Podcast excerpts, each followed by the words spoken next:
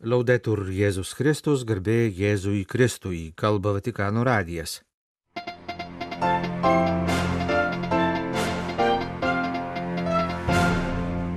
Popiežiaus bendroji audiencija prakartėlė primena tai, kas svarbu ir didu, sakė Pranciškus katechezėje.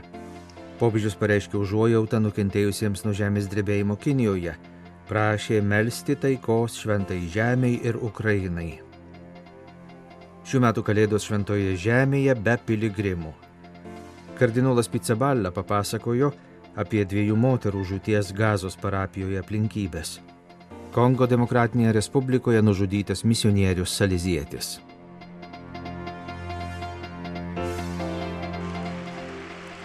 Ottocento anni fa, nel Natale 1223, San Francesco realizzò a Greccio Prieš 800 metų per 1223 Kalėdas Šventasis Pranciškus Grečia įrengė gyvąją prakartėlę. Tuo metu, kai namuose ir daugelįje kitų vietų įrenginėjamos ar jau įrengtos prakartėlės, mums pravartu iš naujo atrasti jos ištakas, sakė popiežius Pranciškus pradėdamas gruodžio 20 dienos bendrosios audiencijos katechezę. Kokie buvo Šventojo Pranciškaus Asižiečio ketinimai?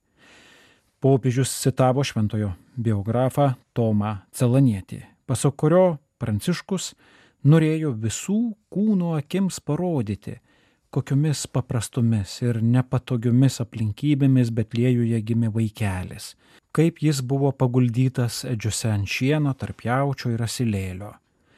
Pranciškus norėjo sukurti ne gražų meno kūrinį, bet sužadinti nuostabą dėl kraštutinio viešpaties nuolankumo, iš meilės mums, dėl Betlėjaus grotos kuklumo. Ir iš tiesų, Asyžiaus šventojo biografas parašė, jog jaudinančioje gyvosios prakartėlės scenoje suspindėjo Evangelijos paprastumas, buvo išaukštintas jos neturtas ir nuolankumas, o grečas tapo tarsi naujuoju Betliejumi.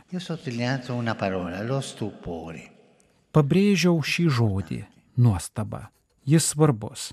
Jei mes krikščionys į prakartėlę žvelgiame tik kaip į gražų istorinį, kad ir religinį dalyką, to nepakanka. Kai atsidurėme prieš žodžio įsikūnyjimo, Jėzaus gimimo slėpinį, mums reikia religinės nuostabos. Jei susidūrus su slėpiniais tokios nuostabos nėra, mūsų tikėjimas lieka paviršutinis, pažymėjo popiežius Pranciškus. Prakartėlė buvo sukurta tam, kad mums primintų tai, kas svarbiausia - apsigyventi tarp mūsų atėjusi Dievą ir kitus esminius santykius, tokius, kokie siejo Jėzų, Juozapą ir Mariją, ar jausmus parodytus piemenų. Pirmieji liudytojai buvo labai paprasti žmonės, kurie prisistato tokie, kokie yra. Žmonės pirmiau už daiktus pabrėžė popiežius. Tačiau be esmingo paprastumo Šventojo Pranciškaus Asižiečio biografas kalba apie kitą dalyką - apie džiaugsmą. Kalėdų dieną, pasak jo, Pranciškus švitėjo, o aplink susirinkę žmonės gaudė džiaugsmų ir namus sugrįžo pripildyti anksčiau neragautos laimės. Šis džiaugsmas, pasak popiežiaus, skiriasi nuo paprasto linksminimuose, kuris taip pat, jei linksminamasi gerais, o neblogais būdais yra geras ir žmogiškas dalykas. Bet kalėdinis džiaugsmas yra kitoks, jis gilus ir vidinis. Kartais pridūrė Pranciškus pasiduodame pagundai linksmintis be džiaugsmo, triukšmaujame, juokiamės, juokiname, o širdis liūdna. Iš kur tas nepaprastas kalėdų džiaugsmas? Tikrai ne dėl to, kad į namus parsinešime dovanų ar prabangiai atšventėme. Ne, tai yra džiaugsmas, kuris išsiveržia iš širdies, kai tarsi savo rankomis yra paliečiamas Jėzaus artumas, Dievo švelnumas, nepaliekantis žmogaus vieno. Tokia prakartėlės patirtis - konkrečiai suvokti Dievo artumą. Artumas, švelnumas, atjauta yra trys Dievo nuostatos, kurias galime pajusti žvelgdami į prakartėlę ir melzdamėsi šalia jos. Cari fratelli e sorelle, presepe è come un piccolo pozzo dal quale attingere la vicinanza di Dio. Brangus broliai ir seserys prakartėlė yra tarsi nedidelis šulinys, iš kurio galima pasisemti Dievo artumo, vilties ir džiaugsmo šaltinis, kalbėjo Pranciškus. Prakartėlė yra tarsi gyvoja Evangelija, namų Evangelija. Kaip ir šventajame rašte minima šulinys, ji yra susitikimo vieta, kur mes, kaip Betlėjaus piemenys ar grečio gyventojai, atnešame Jėzui savo gyvenimo lūkesčius ir rūpeščius. Jei prie prakartėlės patikėsime Jėzui visą, kas mums svarbu, taip pat patirsime begalinį džiaugsmą. Džiaugsmo, kuris kyla iš nuostabos kupino, Dievo slipinių kontempliavimo. Prisertinkime prie prakartėlės, pažvelkime į ją ir leiskime, kad kažkas užgimtų mūsų širdyje.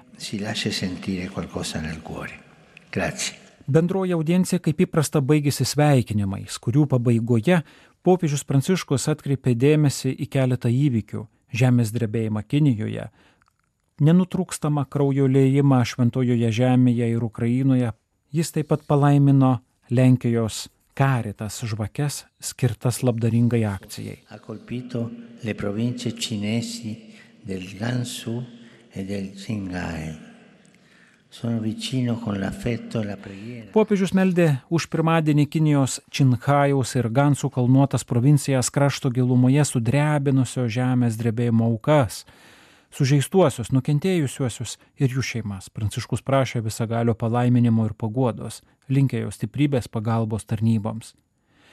Popiežius sveikino įvairias maldininkų grupės, dalyvavusias bendrojoje audiencijoje įskaitant viduržemio jūroje migrantus, bėgančius nuo vergovės laivų gelbėjančios nevyriausybinės organizacijos atstovus. Per favore, pensiamo alla Palestina, a Israele.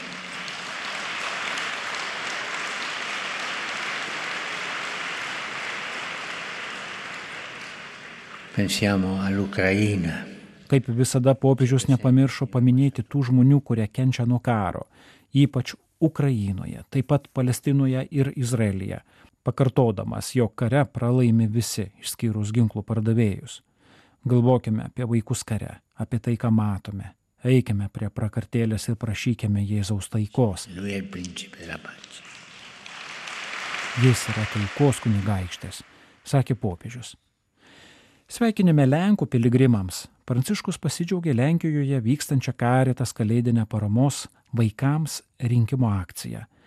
Parama renkama simboliniais mainais už žvakę, kurią bus galima uždegti ant kalėdinio stalo. Ši parama bus atiduota vargstantiems vaikams, ne vien Lenkijoje, bet ir kitose kraštuose. Laimino jūs iš širdies ir laimino karitas žvakes sakė popiežius.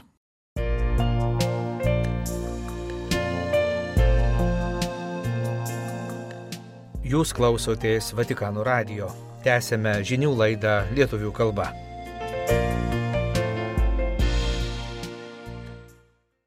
Šventojoje žemėje krikščionių bažnyčių vadovai ragina santūriai sutikti kalėdas, solidarizuojantis su karo aukomis gazoje taip pat vakarų krante ir Jeruzalėje, kur tūkstančiai žmonių liko be pragyvenimo šaltinio, nes buvo atšauktos piligriminės kelionės. Remiantis lapkričio viduryje paskelbta Junktinių tautų ataskaita, dėl konflikto gazos ruožė, sustabdžius turistų ir piligrimų keliones į Šventąją Žemę, nedarbas Palestinos teritorijose išaugo iki 24 procentų. Iki spalio mėnesio buvo 13 procentų. Darbo neteko daug žmonių, kurių pagrindinis pragyvenimo šaltinis yra turizmas. Šiuo metu beveik visos piligrimystės atšauktos. Manoma, kad iki ateinančių metų pavasario padėtis nesikeis, o ir tolimesnės perspektyvos kol kas neaiškios. Kolegos iš Vatikano radio laidų prancūzų kalba redakcijos apie Šventoje Žemėje pasitinkamas kalėdas kalbėjosi su Bernaru Tibo, vadovaujančiu Abraomo namams jau šešis dešimtmečius priimantiems į Jeruzalę atvykstančius piligrimus. Šie namai buvo įkurti buvusiame Benediktinų vienuolyne popiežiaus Pauliaus VI nurodymu. Nuo pat pradžių juos administruoja Prancūzijos karitas.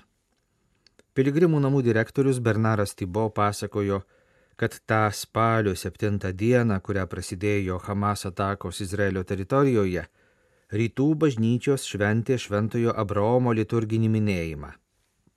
Šią progą Abraomo namuose turėjo įvykti tarp religinis susitikimas, kuriame ketino dalyvauti daug krikščionių, žydų ir musulmonų. Tačiau jau nuo pat ryto pradėjo kaukti sirenos ir teko atšaukti kasmetinę šventę. Namuose buvo piligrimų, olandų paauglių ir studentų. Iš pradžių jiems teko užsidaryti namuose, o po savaitės jie išvyko.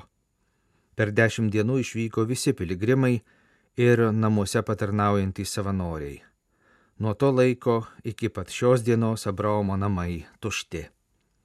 Paprastai per metus šie namai primdavo po maždaug 5000 žmonių, o dabar kartais užsuka tik žurnalistai arba žmonės prašantys materialinės pagalbos. Jau nuo anksčiau Abraomo namai teikė humanitarinę pagalbą tame miesto rajone, Alyvų kalne, gyvenančioms palestiniečių šeimoms. Direktorius atkreipė dėmesį į skirtingą namuose dirbusių žmonių situaciją. Izraelio piliečiai tapo bedarbiais ir gauna valstybės teikiamą pašalpą. Palestiniečiai šios galimybės neturi, dėl to jiems ir toliau, nors namai tušti, yra mokami atlyginimai.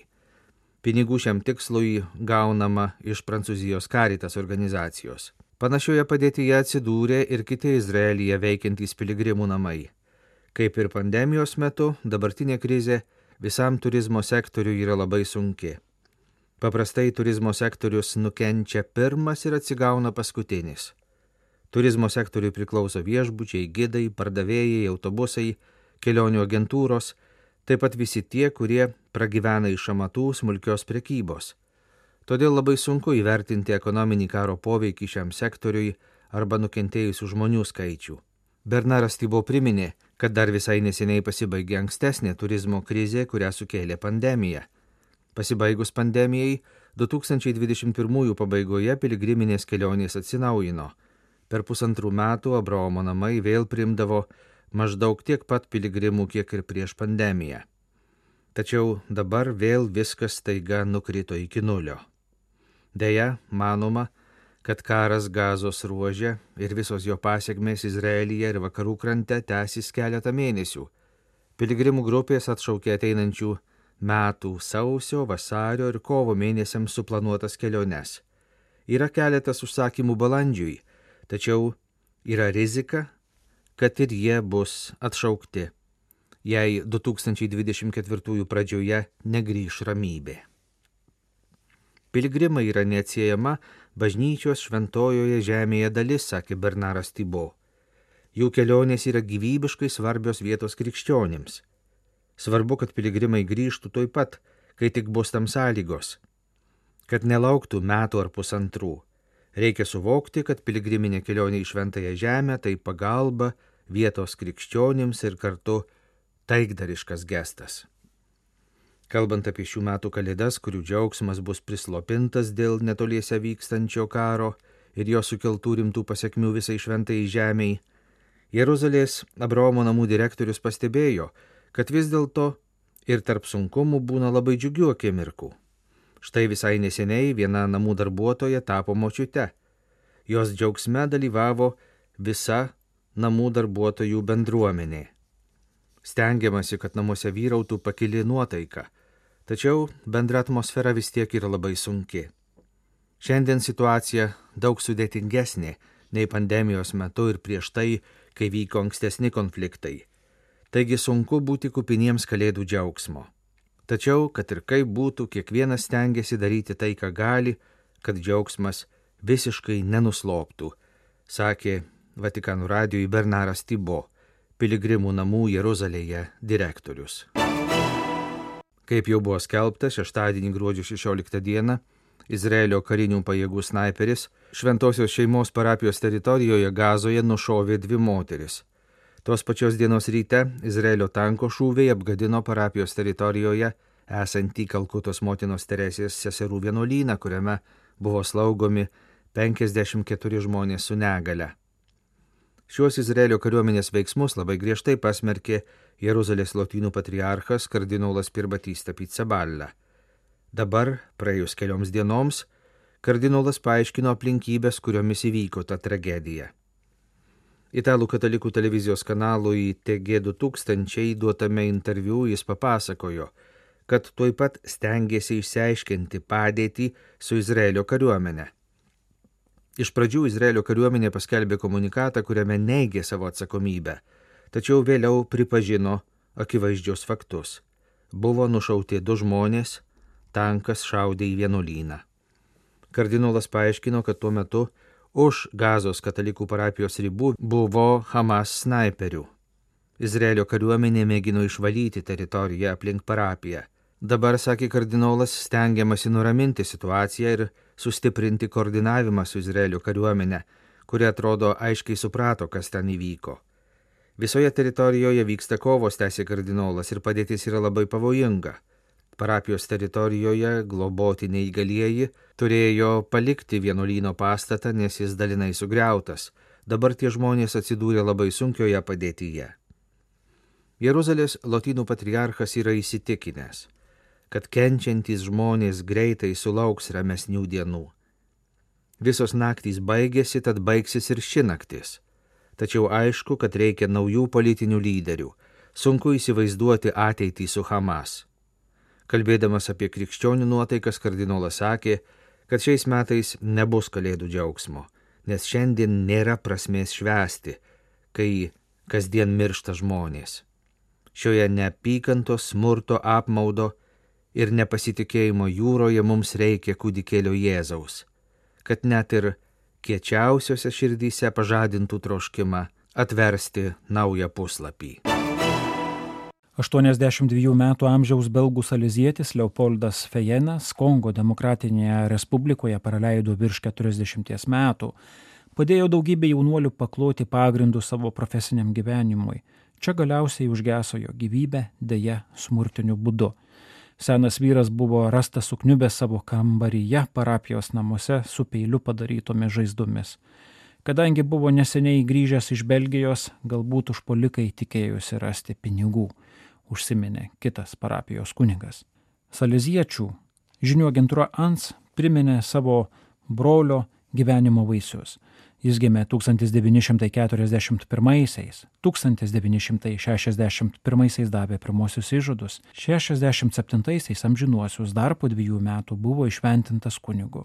Konge daugybę metų vadovavo Lubumbašio saliziečių profesiniai mokyklai, kuri padėjo tūkstančiams jaunuolių įgyti staliaus, statybininkų, mechanikų ir žemės ūkio specialybės. Greta mokyklos taip pat yra 60 vietų bendrabutis iš toliau atvykusiems. Pastaruoju laiku garbaus amžiaus alizėtis, kurie aplinkiniai vietos dialektų meiliai vadino Kokopolio seneliu, nebevykdė aktyvių pareigų, bet vis dar rūpinosi vaisių ir daržovių, kurie keliaudavo į mokyklas, auginimu bei priežiūra.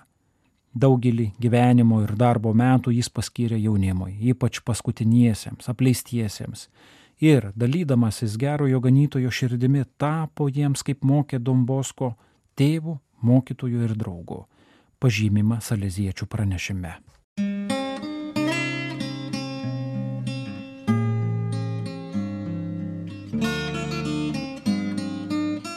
Kalba Vatikano radijas. Laidą lietuvių kalba baigėme. Garbėjai Jėzui Kristui, laudetur Jėzus Kristus.